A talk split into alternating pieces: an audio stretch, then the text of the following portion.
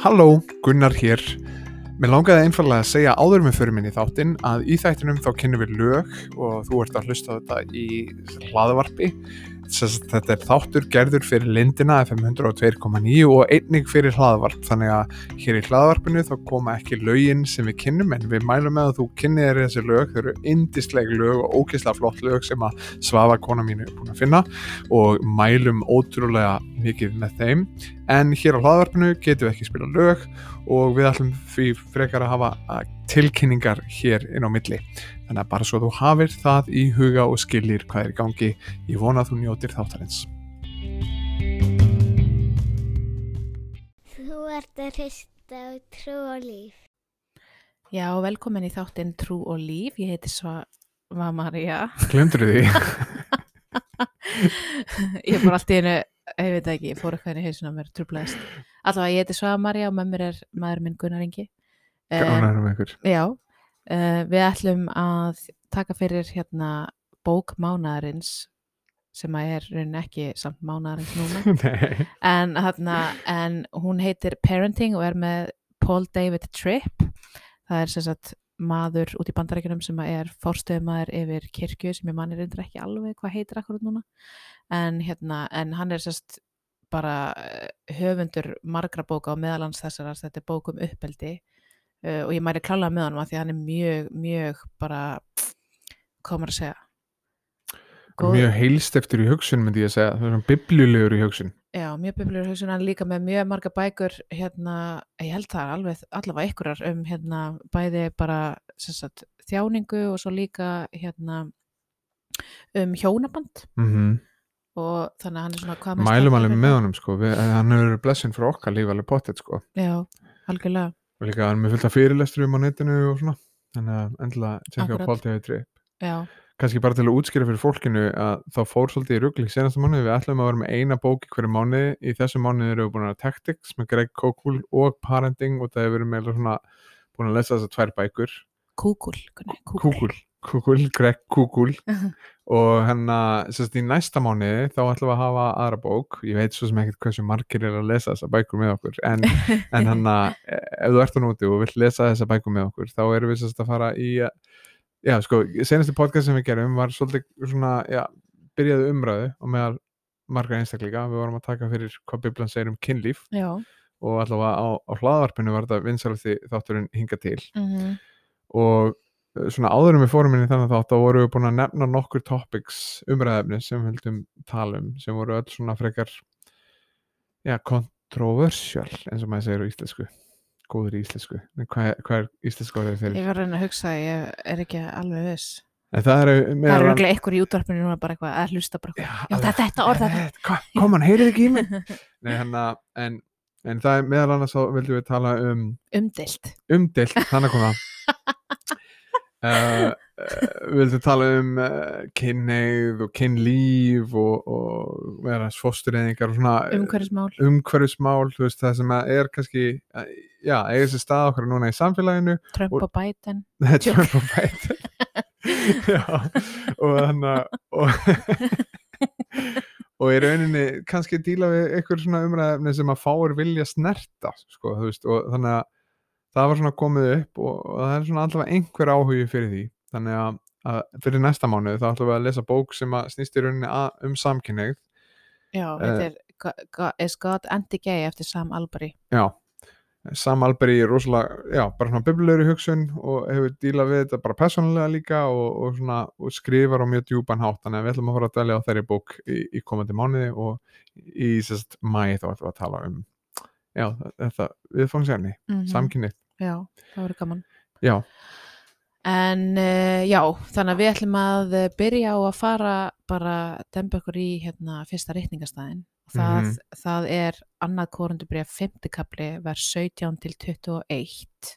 já áherslan sem hann leggur á er hann að vest 20 þannig að, Já, já, en það er gott að lesa þetta í samingi samt já, nákvæmlega. Alltaf samengi. Gunnar ekki, þú, þú kendi mér það fyrir einhverju. Alltaf að passa sig að lesa samengi. Ég gerði það nefnilega ekki í langan tíma. Já, já, það er mikið af villu sem getur, getur átt sér stað þegar maður hugsa að eitt vest geti haldi djöflunum í, í hag. Já, eða eh, hvernig sem bi- orðað þetta. bi- biblical theology, er það ekki samingi? biblical, jú, jú, hermeneutics eða eitthvað Já, hermeneutics, já, hermeneutics. Hvað er hermeneutics? þýðingafræði eða eitthvað les Já, þessi, já, þetta er eitthvað gamalt gríst orð. Mm. Já, allavega, hérna, hérna kemur reytingafastæðurinn. Uh, ef einhver er í Kristi, er hann skapaður á ný, hið gamla varða engu, sjá nýtt er orðið til. Amen Mm Allt er frá Guði sem sætti okkur við sig fyrir Krist og gaf okkur þjónustu sáttargjörðarinnar. Því að það var Guð sem í Kristi sætti heiminn við sig. Ha, Já. Já. Uh, er hann tilreknaði þeim ekki afbrót þeirra og fól okkur að bóða orð sáttargjörðarinnar. Og svo kemur hérna 20. Við erum því erindrekar Krists eins eins og það væri Guð sem ámyndi þegar við áminnum. Við byggjum í Krist stað láti sættast við Guð. Þann sem þekkti ekki synd gerði hann að synd okkar vegna til þess að við skildum verða réttlæti Guðs í hún. Amen Amen og það var, uh, miðpunktur bókarinnar var svolítið þetta hérna, að, þú veist að við ættum að horfa á okkur sérst, í fóröldarhlutverkinu sem erindreka Krist. Já, hvernig dreki er erindreki? En, alltaf á ennsku er þetta í rauninni sendiherrar. Við erum sendiherrar. Eða þú veist, ég veit nú, ég hef aldrei heyrt þetta orð erindreki fyrir Ég meina þetta er alltaf bara eldra eða Já, erindreki þýðir alltaf sama og sendiherrar. En, en það er allavega en það er það sem að kannski um, er mjög auðvelt að gleyma þú veist, að maður eigi að horfa á sjálfan sig, þú veist, ekki það að þetta sé eitthvað svona sérstaklega í þessum aðstæðum sem fóruldra að horfa þessum sendir, þú ert, þú ert sendiherra Krists alltaf. Já, en það er samt einhvern veginn erfitt að færa það yfir þegar maður er með börnin sín að horfa á, þú veist að maður sé sendi herra inn í þeirra líf.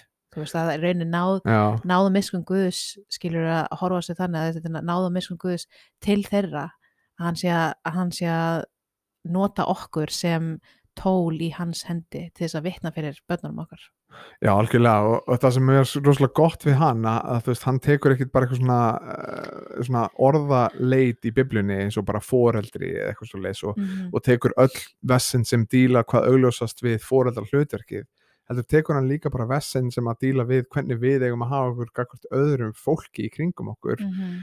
Og tekur þeir sem við hu- hugsum oftast út sem er eins og farið út og gerir alla þjóður að lærisveinum og bla bla Mhm. bla og við hugsum um það sem eitthvað, já, kannski í næstu götu eða næsta já. landi eða eitthvað akkurat en, en hann lætur, ok, byrjum fyrst bara heima já, hérna eru krakkar og finnst það áhugavert þú veist, að margir horfa á með þjónustu í kristnaríkinu sem eitthvað svona já það er eitthvað gaur með mikrofónum á sviði eða svo sem er að leiða söngin eða Mhm. einhver í útvarpinu en við erum öll með einhver plattform og svið sem að við Mhm. stöndum á sem að aðrir eru að horfa og hópanir getur verið með stórir. Það getur verið mörg þúsund manns að horfa okkur eina mannesku Mhm.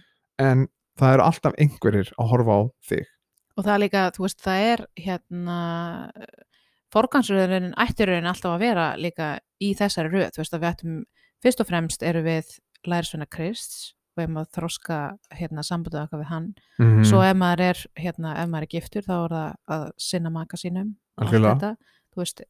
Og svo kemur hérna, eða í rauninni kirkjan, svo- samfélagið. bö- ég myndi segja sko Já, börn- já, börnin, börnin. eftir, eftir já, hana og svo, svo samfélagið. Já, bönnin samfélagið og svo utanakomandi mm þannig að það Og- er svona og mér finnst þetta allt vera þetta er svo góð forgangsröðun út af því að þú veist það sem er fyrir ofan gerir þið hævar í því sem er fyrir neðan. Veist Mhm. ef, að, ef að samband mitt við Krist er gott mm að þá hefur það áhrif á hvernig eiginmaður ég er gagvart þér. Akkurat. Og ef ég er góður eiginmaður gagvart þér mm að þá er ég betri foreldri gagvart, foreld, eh, gagvart enna börnunum mínum. Akkurat. Þú veist bara, bara ímynda sér það til dæmis að vera barn og, og alast upp við þar aðstæður að þú veist ekki hvernig samband mömmu og pappa er og óöryggið sem fylgir því já, og, og þegar ég er það hefur þarna sem faðir og, og, og hennar foreldri mm eins og ef þú horfur á fyrsta tímatöðs bara í þriða kapla um hvað þú ert að leita eftir í forstöðumönnum í kirkju þá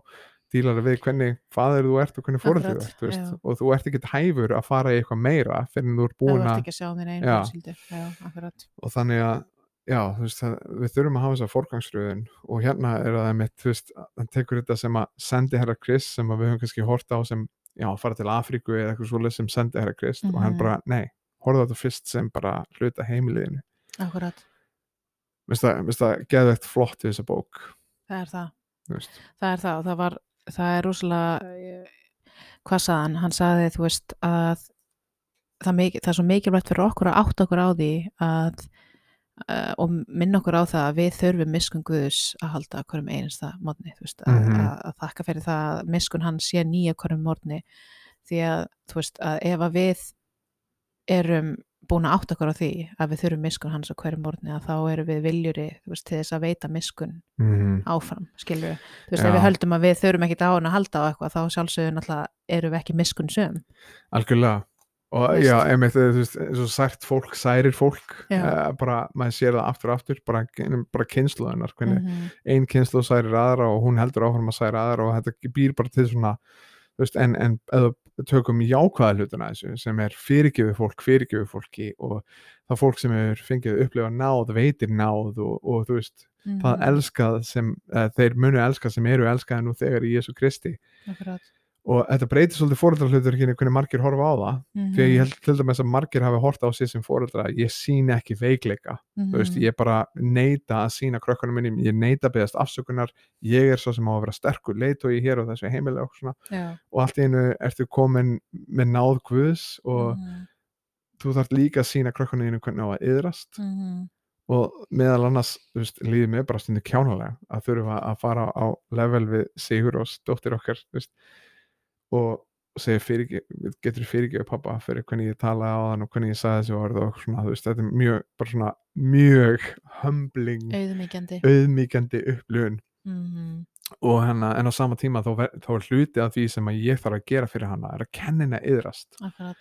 og það sem við þurfum meira heldur en bara að segja henni hvað á að gera þess að yðrast er að sína henni hvernig á að yðrast og það er náttúrulega og, enn, og, og, og þú veist, við komum alltaf aftur þessu, ef að við erum sendiherrarnir að þá náttúrulega erum við við erum að hugsa um að veist, við erum alltaf að endurspegla um, karakter Krist Mhm. og hérna og Guð í hegðun, orðu okkar að hegðun. Þannig að þú veist, þannig að við getum rauninni að hugsa um það, þú veist, hvernig þegar við erum að tala við börnun okkar og hvernig við komum fram við þau, þú veist, eru við, eru við að endurspegla Guð rétt, eru þau að fá að þekkja drottin í gegnum okkar orð og hegðun, þú veist, á réttan máta algjörlega. Og hennar, já það fyrir nú að fara að koma að pásu hjá okkur. Ert þú, ert þú með eitthvað lag tilbúið Já, ég meðlag sko, ok.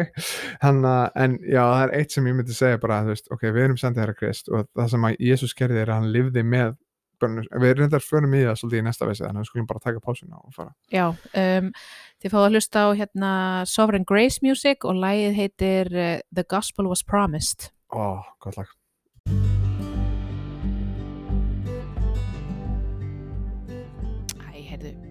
ætla að koma hérna aðeins inn á varandi að hérna gefa podcastinu engun og deila því. Við vorum að velta því fyrir okkur hvort að þið gætuð og væri svo væn að gefa podcastinu engun og deila því vegna þess að það hjálpar uh, þættinum að sagt, ná til fleira fólks og við værum mjög til í að hérna, að þátturinn myndi ná til fleiri fleiri erna til þess, að, til þess að hlusta á því að þetta er, já, við telum þetta góða og mikilvæg spurningu til þess að hérna, íhuga og, og sérstaklega fyrir þá sem eru mjög leitandi þannig að það var mjög þakklátt ef að þið myndu gera þetta fyrir okkur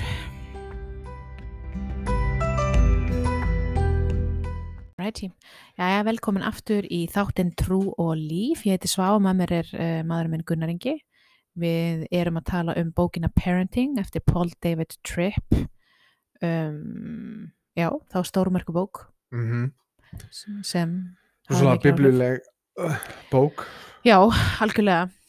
Um, Já, ég held að, mér, mér finnst það vanta bara svolítið á Íslandi dag að nálgast hlutina, veist, það er allir að tala um fullt af hlutum, þú veist, eins og fóröldar hlutverki og annað, en þú veist, að nálgast það frá biblilegu sjónamiði finnst mér það svolítið vanta og er eitthvað sem gerir fóröldar hlutverki frá biblilegu sjónamiði öðruvísi heldur en fóröldar hlutverki frá einhverju öðru sjónamiði mm og ég held að sé alveg svo sannlega þannig.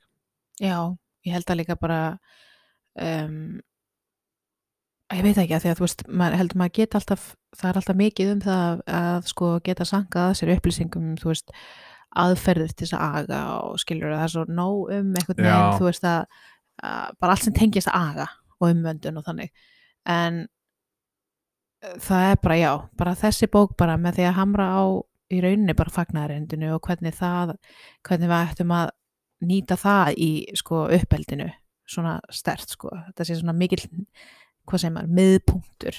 Mm, að hérna það er, já, það er bara svo gott að hann sé að hamra svona mikið á þessu sko, að því að þetta algjörlega bara umbreytir öllu.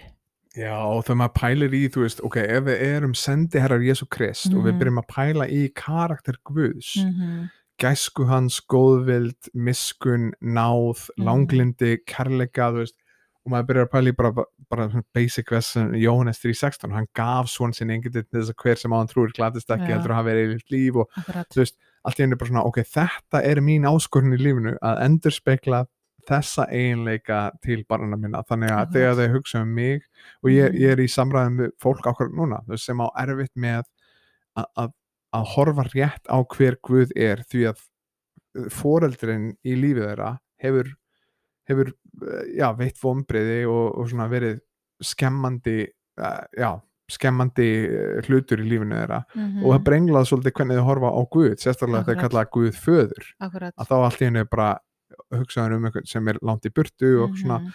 þvílík ábyrð sem við höfum sem foreldra til þess að endur spekla hver Guð er í hvernig við elskum börnin okkar akkurat og auðvitað náttúrulega mm feilum við því. Eða þú veist, þú átt örglega eftir að gera það einn daginn en hann að Já, það er algjörlega þannig sko, það er alveg já, það er bara svo merkileg bók. En og ég lesa, já, Veit ef ekki kannski það. að hoppa í já, þetta var bara. Já, þetta er fymta mósabók já, fymta akkurat, Já, ég var bara Genesis, Exodus, já, Leviticus, já. Numbers. Fymta Mósebók, já, ok. Uh, þessi orð sem ég legg fyrir því í dag skulu vera þér hugföst. Þú skalt brína þau fyrir börnum þínum og tala um þau þegar þú ert heima og þegar þú ert á ferðalagi, þegar þú leggst til kvíldar og þegar þú fer á fætur. Þú skalt binda þau til merkis á hönd þér og hafa þau sem minningar bönd á milli augna þinna og þú skalt skrifa þau á dyrastafi húsins og á borgarlið þín. Já, Mm þannig að við erum búin að tala svolítið um uh, okkar á milli, hvað hefur haft mest áhrif á okkur frá þessari bók og þetta var veist, þessi hugmynd sem að koma upp í bókinni Mhm. og reyndar þú, já, eins og þú sagðir áðan bara, þú deildir eh, með mér þessari hugmynd þegar þú sást klippu af hennum á YouTube fyrir mörgum árum Já, það var, uh, hvað, mörgum að- jú, alltaf sé ekki hvað, ár síðan kannski eða eitthvað, við byggum í kópáinu. Já. En það er bara, hérna, já, það er eiginlega bara það sem að, mér fannst bara mest svona, hvað áhrifaríkast er bara með, um, vá, ég er að missa smá einbindingu í hausnum á mér. Já, það sem að mér finnst ótrúlegt við þetta er að hann, hann, hann hefur allt öðruvísi nálgun á erfið augnablík í lífum krakkan okkar veist, og það sem að þetta er svona setning sem að skar mig rosalega þegar hann sagði þetta þú veist að þvílík náð guðs og, og gleði það er Já. að þú sért til staðar til að sjá þetta synduga augnablík í lífum krakkana hérna því að Mhm. Guð er að leifa þér að sjá þannig og líklegast Mhm. að leifa þér að vera tól notað af honum til að koma með hans umvöndum til að kenna og veist, ég elska þessi vest því að hann segir hann í 5. Mósebók 7. kabla uh, í rauninni að vera tilbúin að kenna börnum okkar en þetta er ekki einhver svona kennslustofa sem er þú veist eitthvað x margir klukkutímar á dag heldur þú skalt brýna þetta fyrir börnum þínum tala um þau uh, þar sé orguðs þegar þú ert heima, þegar þú ert að ferðalagi þegar þú leggst í kvildar, þegar þú fer að fætur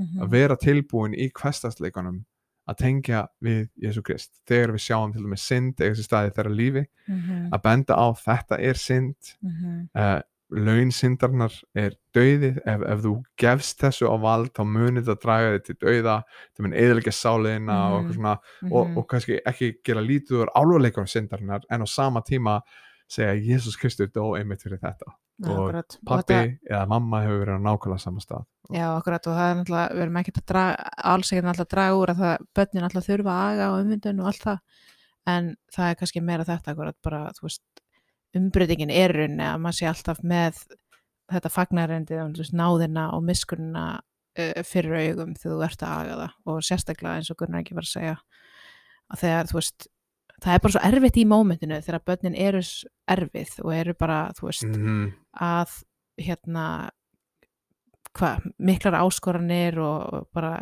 reynd út sagt bara, já, reyna bara að gera allt í sínu valdi til þess að bara gera ekki það sem þú ert að byggja þau um. En þú veist þess að, en maður ættir rauninu bara svona, ok, þú veist, við öll bara, við öll erum bara litli krakkar samt sko, þegar við gerum þetta alveg líka við Guð, mhm, algjörlega. Þú veist, þannig að hver eru við að vera eitthvað svona, ó, þeir eru svo pyrrandi bara eitthvað, ég myndi að hugsa eitthvað Akkur svona getur ekki verið meira eins og ég? Já, akkurat, Svo erum við bara að gera nákvæmlega saman hlutin. Já, Við erum bara orðin betri að, að að hylja það kannski. Já, akkurat. Hilja það, já. Uh, eða þá að líti ekki út, þú veist ég veit það ekki, Láta spurning. syndina vera svona aðeins minna augljósari. Já, getur verið, það er svona. En, En þetta, mér finnst þetta bara svo allt öðru sér nálgun á að horfa á þessu erfiðu augnablík með, með krakkana hérna, veist, og auðvitað eins og með svo margt, veist, það er sumt svo ótrúlega auðvelt að fatta úr biblunni en svo ógeðslega erfitt að setja í praktís, veist, að, að- raunverulega gera þetta, mm ok, þetta er náðguðs, það að ég sé að sagði þetta öskrandi barn fyrir fram með okkur núna, þetta er náðguðs að sína mér þetta barn þarf líka á fannarindin að halda og ég þarf að aga Mhm. og, og einmitt þannig balansin líka á þú veist við, ok við erum að undirbúa krakkan okkar fyrir að vera ekki bara góð börn, heldur góð full, góðir fullornir einstaklingar, þú veist, einn daginn fara þau og þeir eru sitt eigi fólk og Mhm. taka sína eigin ákvarðinir og svona. Og þannig að við höfum tækifæri líka veist, og verðum í rauninni að finna hennar balans að kenna þeim að það er afleiðing þrátt fyrir að þessi fyrirgefning.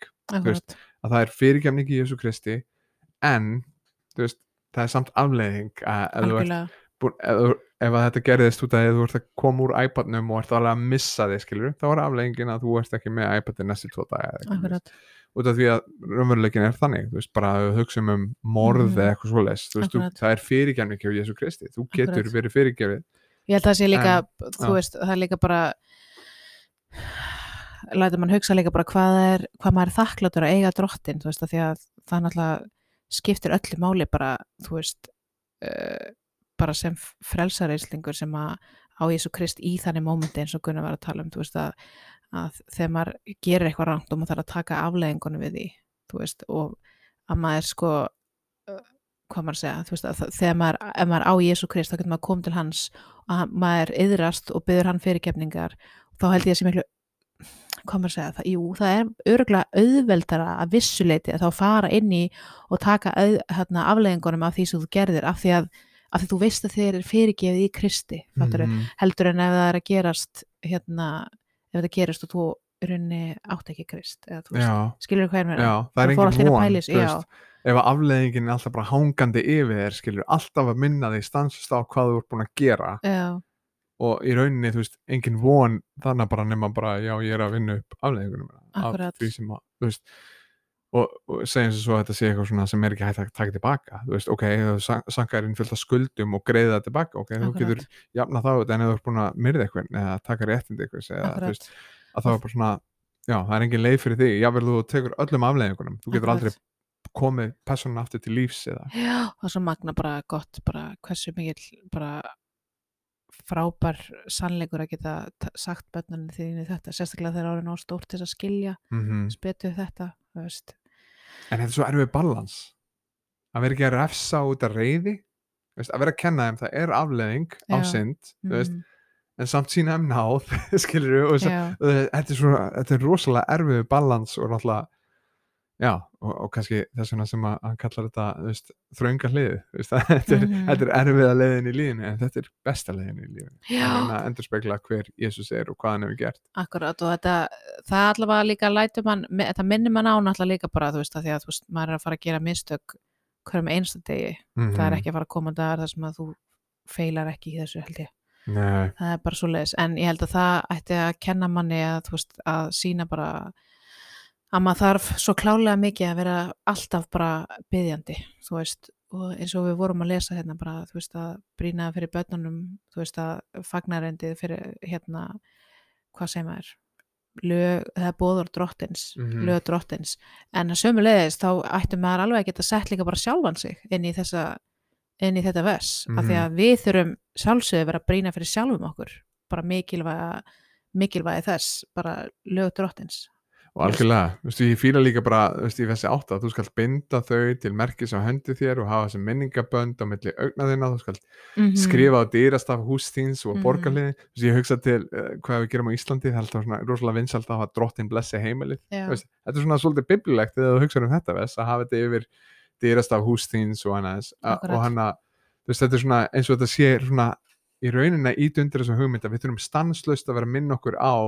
að að að heyr Ísrael, drottin er vor Guð, hann er drottin. Þú veist, eins og við þurfum alltaf að vera að minna okkur á algjörlega, hver Guð er, hver ég er. Akkurat. Og svo labba ég burtu og tímyndu senna þá get ég verið búin að gleyma þessari hugsun en ég þarf að stanslust að vera að á Akkurat og ég held meira að segja þú veist ég man eftir hérna það var eitthvað á tímabundið sem að hérna ég var eitthvað svona þú veist í mínu, mínu holdlegri hugsun að þá var ég eitthvað svona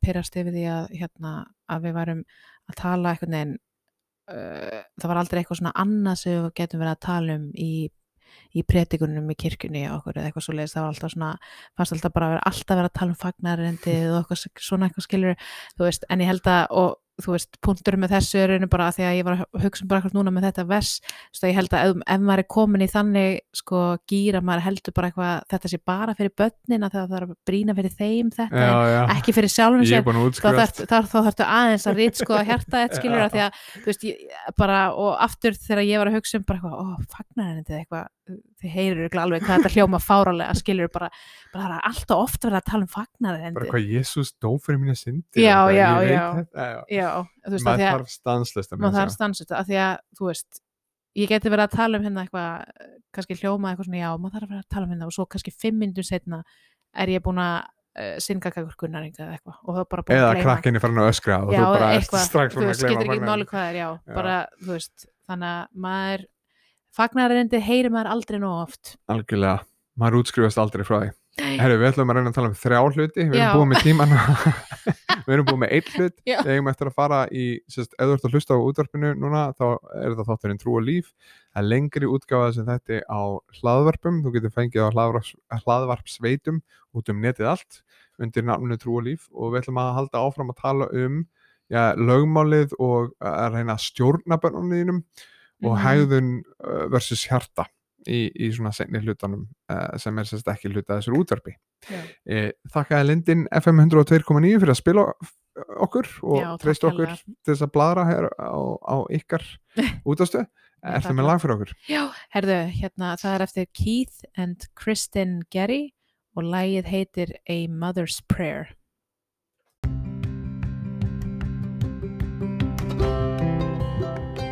Hæ, herðu, ég ætla nú bara að auðlýsa hérna fyrir uh, kirkjun okkar, Lofstofan Baptistakirkja. Uh, samkomunar hjá okkur. Við erum með samkomu klukkan 11 í kefashúsnæðinu sem er staðsett í Fagraþingi 2A í Kópavogi í Kórakverfinu. Uh, samkomunar eru á ennsku en já, þannig að þeir eru bara mm, endilega velkomin til þess að koma og vera með okkur. Við varum rosalega glöða að fá að sjá okkur.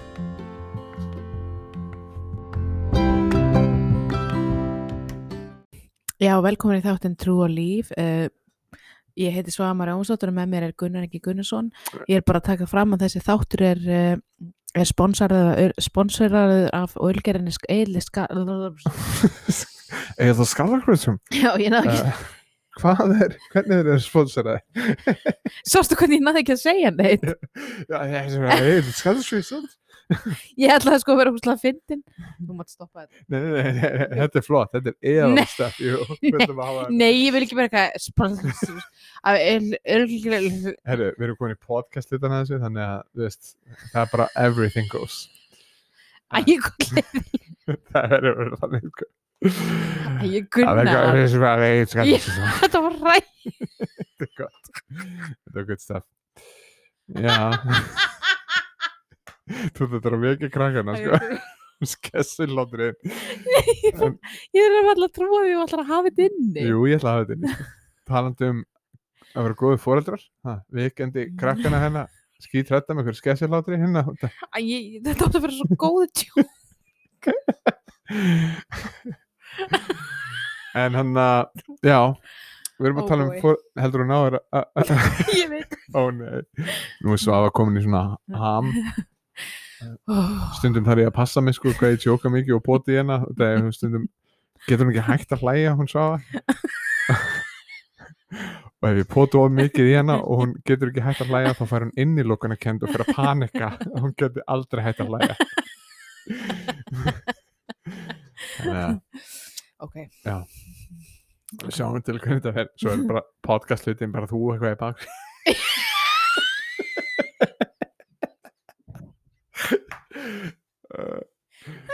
en það við erum sérst að tala um fóreldrarhlutverki og kannski er þetta svona svona svefgall sem komin í okkur fóreldrarna þarna. já, sponsorað af Collab. Já, að collab.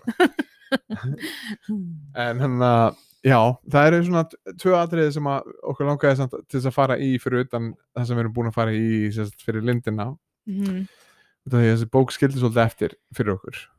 Já, og það er þessi tvö atriði. Hegðun gegn hjarta. Já. Og eh, náttúrulega það er eitt af þessum tveimur atriðum sem við viljum díla við. Mm og heitir svona að nota lögmálið og stjórnun til þess að þetta er enda tengist svolítið, svolítið vel þessi tvö topic sem við erum að tala um. Mm. og það er já, þú veist allavega að vera ég sakvöldur þegar ég var að lesa þessa bók um hversu oft ég einblini bara á Mm þú veist, hvað ég vil bara að þau geri það sem ég segi -hmm. í, í staðin fyrir það að, að þau læri krítisku hugsun, að þau læra að ekki bara gera það sem að þeim er sagt að gera, heldur líka bara í rauninni að hafa þetta þjónshjarta að vilja að elska fólk með því að þjóna því og, og Mhm. fylgja eftir og láta já sitt vera já og nei sitt vera nei í rauninni að Mhm. þetta spretti út frá einhverjum dýpri raunveruleika heldur en bara mér langar ekki að, að lenda í þú veist að mamma og pappi verði eitthvað perruð eða eitthvað svo leis já, og það er líka þú veist að þegar maður á, á það til að vilja að nota tift, tiftran mm lögmálið til þess að eins og segir stjórna hegðuninni í staðan fyrir þess að reyna að hérna, vinna hjartalæð eða þú veist ekki það Já, að við getum unni hjartalæð heldur en að, að byggja fyrir því og að Guð geti notað okkur til þess að vinna, vinna hjartalæð skilur, ekki bara ekki bara taka yfirborðið sem er bara já, láta þér hlýða þessa róbota og svo bara uh, fá þau aldrei að sko sjá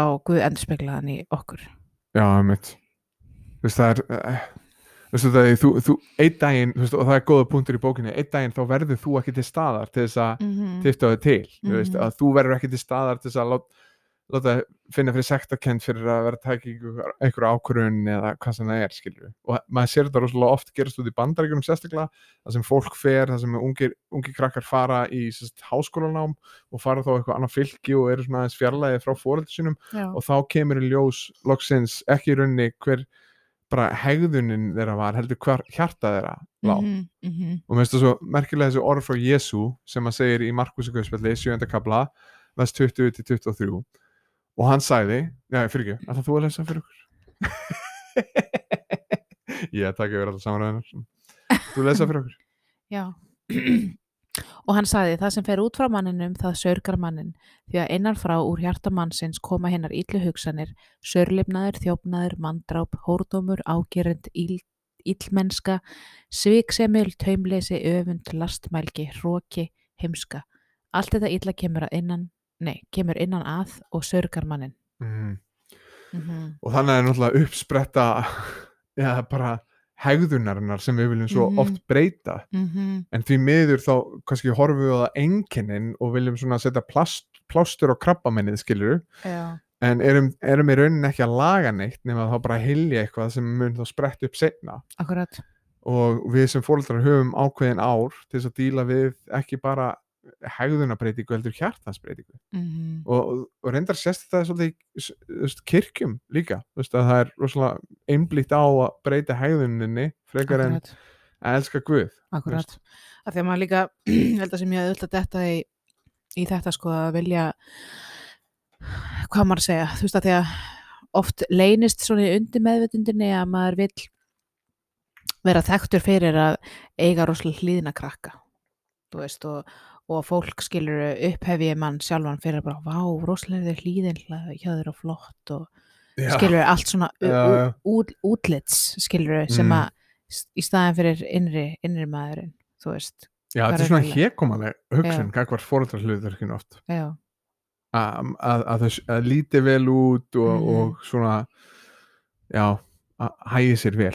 Já, og að hafa sér vel já, en oft, oft þú veist, því mér þá kemur það bara oft frá kannski einhverjum já, þau láta, láta okkur gríma á sig til þess að þú sjáir ekki hver þau raunverulega eru. Mm því að raunveruleikin er sá að, að ég meina veist, krakkar eru syndar mm. Mhm. eins og við öll og veist, við þurfum ekki, það er oftast ekki það að við þurfum að stoppa því að vera ofgjafmeld með leikfungi sín eða eitthvað svo leiðis er nánast alltaf það sem þú þarft að kenna krökkum að, að deila leikfungunum sínum og, og elska aðra kringu sig og fyrirgefa og eitthvað svona. Akkurat, þú veist, já stundum bara pælum maður í bara hvar, hvar fekstu þessa hugmynd, veist, Akkurat. krakkar eru bara að býta puttan og öðru krökkum bara, ok, þú sást mömmu og pappa ekki gera þetta, skilur við mhm, það er bara svona sprettur upp úr þeim bara, já, akkurat. þú veist, þetta sama og frá okkur öllu, öllum, mhm, veist. Og því miður þá erum við, veist, kannski að reyna að klippa af, þú veist, svona já, einkennin á þess að díla við rótina vandamálinu sem er náttúrulega bara ultimately þá viljum við benda þeim á Guð að hann er svo sem að akkurat.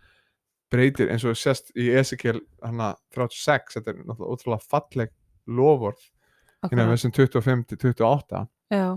Segir hérna byrju hvort þá ég lesa, bleika Já, bleika. já. Uh, ég mun stökkva hreinu vatni á ykkur svo að þið verið hreinir. Ég mun reynsa ykkur af öllum óhreinindum ykkar og skurðgóðum og ég mun gefa ykkur nýtt hjarta og leggja ykkur nýjan anda í brjóst og ég mun taka steinhjartað úr líkam ykkar og gefa ykkur hjarta af holdi og ég mun leggja ykkur anda minn í brjóst og koma því til vegar að þið hlýðið bóðorðum mínum og varðveitið setningum mína og breytið eftir þeim og þið skulu búa í landinu sem ég gaf feðrum ykkar og þið skulu vera mín þjóð og ég skal vera ykkar Guð. Hann er náttúrulega, Mhm. minnst það svo góð fórk, hann dílar hann við hjartað ég vil taka steinhjartað úr ykkur og ég ætla að gefa ykkur Mhm.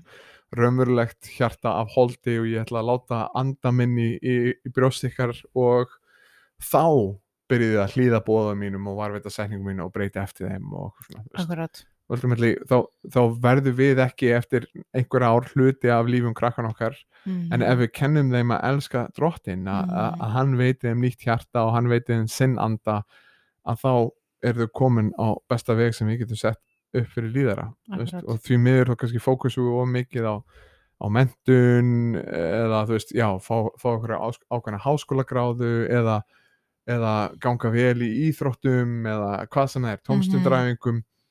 En hann að kannski förum hjá því að díla við hjartansmál og, og karakter þeirra og, og hvernig ekki bara hvernig börn þeir eru heldur hvernig fullonir einstaklingar þeir munu verða. Akkurat. Og ég held að oftar en ekki lítur að líka þannig út að fyrir okkur, fyrir hinn Krista einsning, eins og segir, þú veist að áður, áður en við fengum nýtt hjarta þegar við vorum með steinhjartað, þú veist að þá, það sem að dróða okkur til drottins var það að við áttuðum okkur á því að við vorum syndarar, Mhm. þú veist, og að ha, við skildum eða fengum að heyra að þessari náð og miskun sem hann síndi ok okkar garð í, á krossinum, skilur þú veist, og það sama, þú veist, fyrir þau náttúrulega, mhm, þetta er það sem að þau þurfa að heyra, þú veist, þess að komast til Krist, skilur, þú veist, að átta sig á bara hvað Kristu gerði raunverulega, þú veist, að fá Mhm. að heyra þetta.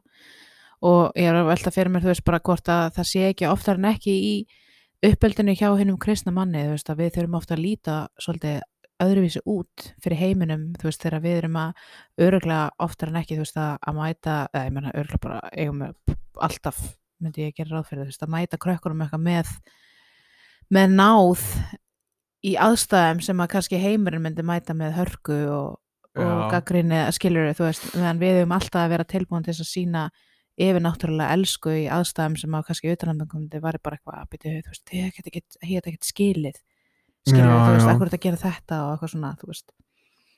En samt er það náttúrulega þetta er svo- er erfiðu balans nefnilega í kristanlífinu þú veist það er Guð agar það sem hann elskar skilur mm -hmm.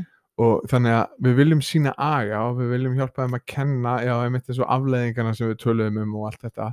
En á sama tíma alltaf að sína hvernig náð Guðs mætir manni, hvernig hún grípur mann þegar maður fellur, hvernig hann veitir okkur náð, þú veist út af því að maður vil ekki vera eins og í dæmisögnum Jésu fyrir mannin sem að skuldar konunum fjárhæð sem hann getur aldrei borgað, svo fer hann og einhver skuldar honum og hann neytar að fyrirgefa skuldina Mm þú veist, við verðum að fyrirgefa áfram þegar við áttum okkur á hvað Guð hefur gert fyrir okkur -hmm. að þá, þá leku það yfir veist, leku það yfir, kannski léli mynd svona, en hann að, ég er að hugsa um byggar minn hann flæðir yfir, þú veist að að þessi gjöf Guðs flæðir yfir og það hefur áhrif á hvernig ég elska aðra þú veist.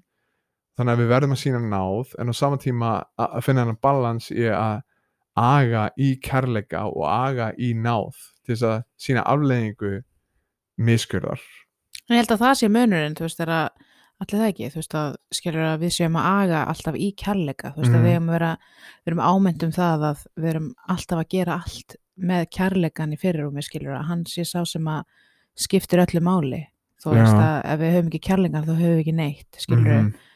Þú veist, að, að jafnvel í, í umvöndun og aga, þá þurfum við alltaf að vera þekkt, skilur fyrir kærleikan. já, algjörlega og svo, já, náttúrulega að að ke- já, svo er, svo er þetta bara svo þetta er svona atriði sem er svo emitt auðvelt að segja en svo erfitt að gera sérstaklega í augnablikinu þar sem að maður Já. er bara komin á istu nöð bara, Ég veit það og sem, að, sem, að hann, sem er svo gott við þessa bókar, hann er Já. að benda á skilur, hann er alltaf að segja, þú veist, já, þú veist, þetta er bara ástæðan fyrir því af hverju, þú veist, þetta ætti að minna okkur á að við, skilur, getum ekki gengið inn í daginn án þess að bara minna sjálfum okkur á ef við erum að gleyma því að við þurfum á miskun að halda, Mhm. þú veist, þess að geta gefið miskun. Já, e- þetta er bara þetta konsept um að ég get ekkert leitt eitthvað á eitthvað stað sem ég hef ekki sjálfur farið Mm veist. Og ef, ef að ég get ekki ef að ég sé ekki hvað er í gangi í hjartanum mínu og það ógeð sem kemur stundum upp veist, -hmm. og, og síni líka krökkunum mínum hvernig á að yðrast þess og veist, er ekki annað konundabæði 50 kaplið þar sem að tala um hana þú veist, munin á guðlegri sorg og sorg heimsins, sorg Mhm. heimsins leitir í vonleysi en guðleg sorg leitir til yðrunar og Mhm. maður leipur aftur í faðum Guðs og maður Mhm. finnur þar von -hmm. og, og hann að, að, að þú veist að sína krökkunum þetta út af því að maður getur ekki leitt þau þú veist, ef, ef maður ætlar að segja til dæmis bara já, bara sí- sína þeim hvað raunverulega maður er syndur þú veist, að, að, og benda á ultimately fyrirgefu pappa og, og mundu það þegar pappi klúrar málunum þegar, þegar ég er kannski ekki þegar ég er ekki uh, eins náðu, náðuríkur og ekki það að krakkarinn okkar trú, eða veit eitthvað hvað það þýðir já, þú ert ekki náðuríkur pappi en, hana, en þú veist, þegar ég næ ekki að minna krakkarinn mína á að Guð nær samt alltaf að Mhm. veita náð og, og, og miskun og, veist, og þetta koncept hérna í Galdabrjónu þriðakabla sem er rauninni að díla við þennan sama hlut uh, vest 24-27 Þannig hefur lögmálið orðið tiftari okkar. Þangu til Kristur kom til þess að við réttlættumst af trú. En nú, eftir að trúin er komin, eru við ekki lengur undir tiftara. Þið eru allir Guðis börn fyrir trúna á Krist Jésu. Allir þið sem eru skýrið til samfélags við Krist, þið hafið íklæðst Kristi. Mm elskar þessi orð, íklæðis Kristi þetta er bara eina mínu upp á þessu orðum það er svona eins og maður sé bara svona falin í skömsinni í rétt að því Jésu Krist, finnst það Mhm. geðveikt sko -hmm. og tiftari, ég veit ekki hversu, hversu oft hefur þú notað þetta orð þegar þú ert ekki að lesa kaldabrið þriða kapla Tiftari, en hann að, við erum töfsamt. Tiftari. já ennsku þýðingar að gera hann að kennari, eða þú veist teacher eða ekki, Já. að það er svona eins og uh, tutor, eða líka sumar að, að, að það sé að kenna manni og benda manni á að, að lögmálið og reglunar þegar við brjótum þær benda á að við réttlótust af trú og ekki af eigin verkum Mm og þannig að á sama tíma er rauninni að nálgast krakkan okkar með þetta hugafar að hér er lögmálið, hér er hvernig þú breysta og hér er hvernig það bendir á Jésu Krist sem frelsar þeim -hmm. og hvernig við höfum alltaf von í honum í rauninni Já. en þetta já, þetta er erfitt í stund, stundum bara þurf, þarf maður að veita sjálfum sér líka náð og, og fara aftur inn í aðstæðunar og, og kannski eh, þú veist, eru komni tveir tímar síðan við voru að díla við þetta en Guð heldur áfram að svona sakvellaði um, herru, þetta var ekki rétt sagt, þetta var ekki rétt gert og, Mm og fara aftur og sína þeim hvernig þetta er þú veist, og, Mhm. það, og leifa lögmálinu að vera tiftari mitt fyrir okkur ef við ætlum Mhm. að leifa því að vera tiftari fyrir Akkurat. krakkan okkar. Akkurat, vera tilbúin að koma til þeirra þá alveg sama hversu langt eftir þú áttar þig á því. Þú veist, Já. að koma þá og segja bara hei, mannstu og því held að þau sko allir, þau muni ekki eftir því skilur þegar maður komi, Jú, þegar maður komi þú veist að því að Æ, ég veit ekki, eins og þú fundir bara, ég veit ekki hvort þú munir eftir eitthvað sem ristið eitthvað svona, þú veist, þú varst bara skilur, þú veist, eitthvað sem að hérna sem þú manns bara því að leiði illi vera því að þú veist eitthvað var gert. Já, eitthvað svona. Hvað sumt getur rist mann og mann eftir því Mhm. sem mann bara skilur þannig að það er svona það lætur mann svona hugsa bara eitthvað þú veist, hvað er mikilvægt að, að þú sem fóreldrið þú áttar þig á að þú gerir eitthvað rangt alveg saman hversu langt síðan það var að þú kemur og byrst afsökur fyrir það skilur já. Já.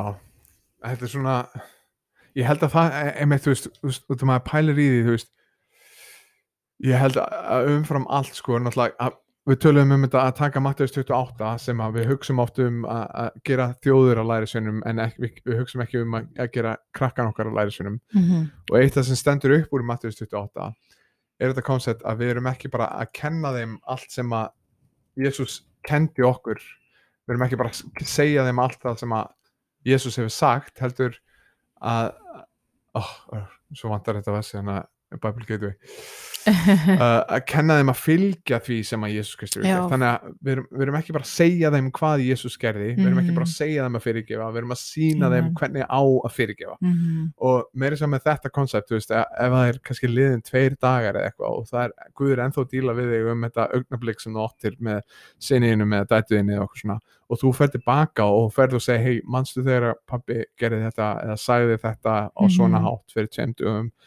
hátt ég vildi segja fyrirgeð Mhm. þetta, þetta pabbi misti marks eins og ég og segur að við vorum að tala um hvað syndin er þú veist hvað, að missa marks. Þegar að pabbi nær ekki að lifa eins og Guð vill að ég lifi þá er ég í synd akkurat. Og hann að, þú veist, að, að segja heyrðu, þetta er ekki það sem Guð vildi að pabbi gerði. Að pabbi Mhm. vildi, kannski sagði ég réttu hlutina en ég sagði það mjög harkalega hátt eða, akkurat. þá held ég að við séum líka að kenna krökkunum okkar, þú veist, meiri það er svona sjálfskoðun skilur við, veist, við erum líka bara svona, wow, ok, hann er enda að hugsa um þetta eftir tvo daga og svona hlusta á hvað Guð er að gera innra með honum og hugsa um hvað hann er að gera og af hverju hann er að gera Akkurat. og okkur svona, þú veist, þannig að Mhm. það kennir frekar hann að sittast niður og hafa hérna fimm leksjur um já, ég krakkar, við ætlum að vera fjölskylda sem stundum Mhm. sjálfskoðun og okkur svona Mhm. að sjá þetta gerast í lífum mm. Mhm. fóreldra hennar er að fara að kenna krökkunum miklu meira heldur en einhverja fimm leksjur um, um atriði sko. já, akkurat Þú veist, út af því að í rauninni þegar maður pælar í því þú horfir á hvernig Jésús býr til lærisveina í Nýja Mhm. testamentinu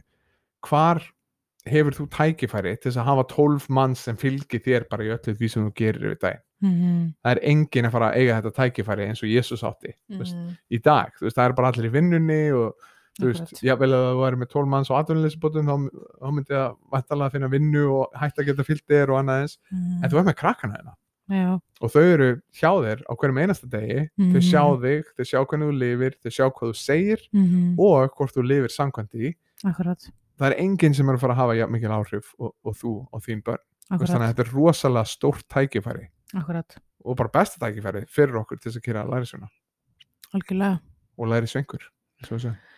Ég man nú bara eftir því þegar hérna uh, það var eitthvað eitt skipti sem að ég hérna var eitthvað hérna á ferð með uh, mömmunni og, og, og litla frænda og svona og ég uh, greinlega hafði sagt eitthvað svona í, í hérna í, í flýtu og í, í höstuleika við litla frænda. Og hérna átt, ég áttaði mig ekki á því. Og hérna og svo bara einhvern veginn uh, þú veist, þá erum við að tala um það liður bara marga, marga, marga vikur skilur og hérna og eitthvað ke kemur þetta upp í tali með móðum minni og okkar svona og þá hún mér að, að, sagt að litli frændi var ennþá sko sár yfir að ég gerði þetta og ég bara eitthvað já, ó, eitthvað, þú veist hann má láta mig vita skilur yfir þessu þú veist, og þannig að og og þannig að og málega þe- svo bara leið áfram einhver tími þangur til að loksins við vorum á sama tíma ég og litli frendi heimi á mömmu. Og, hana, og þá fór ég til hans hana þegar hann var inn í herbyggi hjá mömmu og, var í hæpatinum og, og þá sagði ég bara kom til hans og sagði herrið mannstu þegar mannstu þegar við vorum hann í bílnum hann og ég svaraði þér á leiðilegan hátt? Og það bara ég strax sá bara í andlitin á honum bara hann vissi nákvæmlega. Þú veist, þú vorum að tala um margar vikur liðnar og þú veist, hann fekk svona, svona, svona, svona títrandi vör þegar, því að þetta snert hann svo mikið að ég var að koma og segja við hann, þú veist, ekki það að ég sé eitthvað frábær skilur, heldur bara meira bara, þú veist, að þetta lætur mig hugsa um bara þetta skilur. frábær. Nei, þetta lætur mig hugsa um hvað hérna, að þú veist skilur þetta bara, bara, stó, bara hún leiði ókslega illa yfir þessu skilur. Já, þannig að þú veist, ég var svo þakklátt fyrir að ég fekk tækifæri til að koma og, og segja fyrirgeðu við hann þú veist, og, og beði hann um að fyrirgefa mig, hvort hann getur fyrirgefa mér. Og hann sagði og, og enda líka bara snar breytist hann bara gagvart Vá. mér eftir það. Já ég, ég hugsa til svona fyrsta korundubref uh, 6 eða 7 þá er hann að tala um já, ég held að þessi sjöndakabla þá er hann að tala um hann að þú veist, hvað að gera þú ert í hjónabandi þar sem að þú ert kannski já, þú gerist kristinn og hinn er heiðin ennþá og lifir bara sínu lífi að hvernig þú og þín hegðun eigi eftir að hafa áhrif á makaðinn veist, að vikna til makaðins um bara, já gleði í fagnaðarinsins, kraft fagnaðarinsins í þínu lífi og sérstaklega, þú veist, tölum ekki um ef, ef einhver er að koma frá þannig fjölskyldum að, að þau tala lítið um hlutina eða, eða bara enginn byggðist afsökunar eða enginn segir ég elska þig eða þú veist, eitthvað Mhm. svona bara leifa fagnaðarindinu að koma inn og svona mýkja hjarta þitt á þannig hátt að þú sér bara svona brautriðandinn í Mhm. að leitast eftir sáttagjörð, þú veist, við Já. þú veist, fagnaðarindi er bóðskapir sáttagjörðar Guð við menn og við höfum hennar sáttagjörðar bóðskap sem við berum áfram Mhm. og, og sína það í verki er náttúrulega fullkomið tækifæri til þess að sína bara Guð er að gera eitthvað í mér sem er öðruvísi og það er ekki bara hvað ég lærði hjá mömmu og pappa heldur er þetta eitthvað svona rótækt sem er að gerast nýtt sem er að gerast í, í hans eða hennar lífi Já. og tækifæri til þess að sína, sína bara, já kannski er eitthvað öðruvísi við þessa hugsun sem að þessa einstaklingur er með Mhm. Og þú veist, tölum ekki um að ef að krakkanir þínir sjá munin á þér og restina fjölskylduninni ef, að- ef að þú ert í þannig fjölskyldu sem er ekki kristin. Og sjá í rauninni hennar kontrast bara ok, hvort vil ég vera? akkurat. Vil ég vera frænka sem er alltaf í gremju eða þú veist Mhm. eitthvað svona eða vil ég leitast eftir því að sættast og, og, og hann að leif ekki sólinni að setjast á reyði mína og akkurat. veist, og hann að og í rauninni, þú veist held ég að þetta eftir að sína fegur fannarins, mm Mhm. já, þú veist að fylgja Jésu kemur með kostnaði þú veist að Mhm. afneta sjálfum þér akkurat en þegar þú farið Jésu þá er það þess virði mm Mhm. hann er þess virði að lifa og degja fyrir Mhm. og hann að þú veist, og ég held þetta líka búið til bara svona bæn þetta Ezekiel talar um að þetta er verk Guðs að taka stein hjartað og gefa okkur hjarta og Mhm. holdi og þú veist bara, menn, við þurfum að byggja fyrir börnunum okkar akkurat við þurfum að byggja bara, Guð, viltu hjálpa þeim að elska þig af öllu Mhm. hjarta meira en allt annað akkurat það eru svo margir að berjast um aðtikli þeirra Mhm. en algjörlega þetta er rosalega stórt verkefni sem við fáum að vera hluti af Já, þetta er það. Það er það. Því lík bara forréttindi að fá að gera þetta. já og líka eitt af því sem, að, sem að var svona svolítið öðruvísi við þessa bók er hvernig hann horfir á einmitt fóreldarhlutverkið og krakkana það er mjög margir sem að horfa á krakkana sína sem sína eign Já. en hann, þú veist, undirstrykkaði rosalega mikið að þetta er eitthvað sem Guð hefur gefið þér um tíma Mm þetta er hans eign, þetta er Akkurat. hans sálir hans börn, Mm hann elskar þau meira en ég get nokkuð tíman skilið hans Mhm. ást er fullkomin ást Akkurat. og ég er syndur þú veist, Akkurat. þannig að, að um tíma þá fáum við þá hefur, gefur hann okkur tækifæri til þess að elska þessar sálir hans -hmm. og enn og aftur þá snýst um hversu trúfastur ég er með, með já, þetta hlutverk sem hann hefur veitt mér þessu Akkurat. forréttindi, Akkurat. Já. mjög öðru sér sín Já, það er bara svo gott, gott að geta bara vita það bara, maður getur lagt bara allt þetta bara, veist, uppeldið og það sem að bara þessa köllun yfir lífum hans, ef, hann hefur kallað mann til þess að vera fóreldri og ala upp börnin, veist, að, að leggja þetta allt í hendur hans og treysti að hann, hann verki í þeim, mm þú veist, og hann verki í okkur já, í gegnum þetta og, og við séum algjörlega laus við allt svona svona verka, veist, verkadrefið, veist, að við getum kvílt í náð hans sama hvað og treysti bara að hann, hann veit okkur náðina og styrkinn til þess að takast á við það verkefni sem hann hefur fyrirfram búið okkur undir. Já. Og það er náttúrulega áhugavert við Mattius 28 þegar hann tala um að fara út og gera alla fjóra lærisunum og við erum að hugsa um það um samengið að gera krakkan okkar lærisunum Mm -hmm. að þá byrjar hann á, áður en að segja farið því og gerið alla þjóður að lærisunum og skýrið á nefni föðusvonar heilisanda, þá byrjar hann á að segja þetta allt vald er mér gefið á heimn og jörðu. Já, farið því og gerið alla þjóður að lærisunum Akkurat, lík setning að byrja á maður. já, Allt vald. út af þessu farið því og og svo endar hann á í versi 20 á læginu sem að kannski einhverju þekkja frá sunnundaskóla ég er með yður alla daga allt til heimsins enda ég kannastu þetta eða?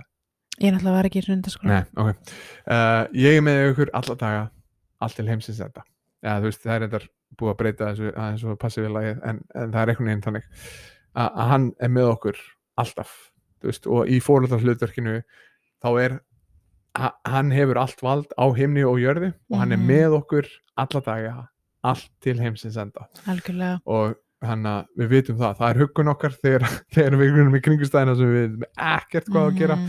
þegar við fáum spurningar sem við vitum ekkert hvað að gera við eða upplýsingar sem við vitum ekkert hvað að gera við hann er með þér, Mhm. hann er með allt vald á himnu og jörðu Akkurat. og hann er með þér allt til heimsins þetta Amen. lík forréttindi að fá að vita það Mm ef þessu þetta er gott Takk aðeinslega fyrir. Já. Hlusta Guð bless ykkur og varviti og láta sinna ásvöna lýsa yfir þig og Og- síðan áður og gefið þið frið. Amen Amen.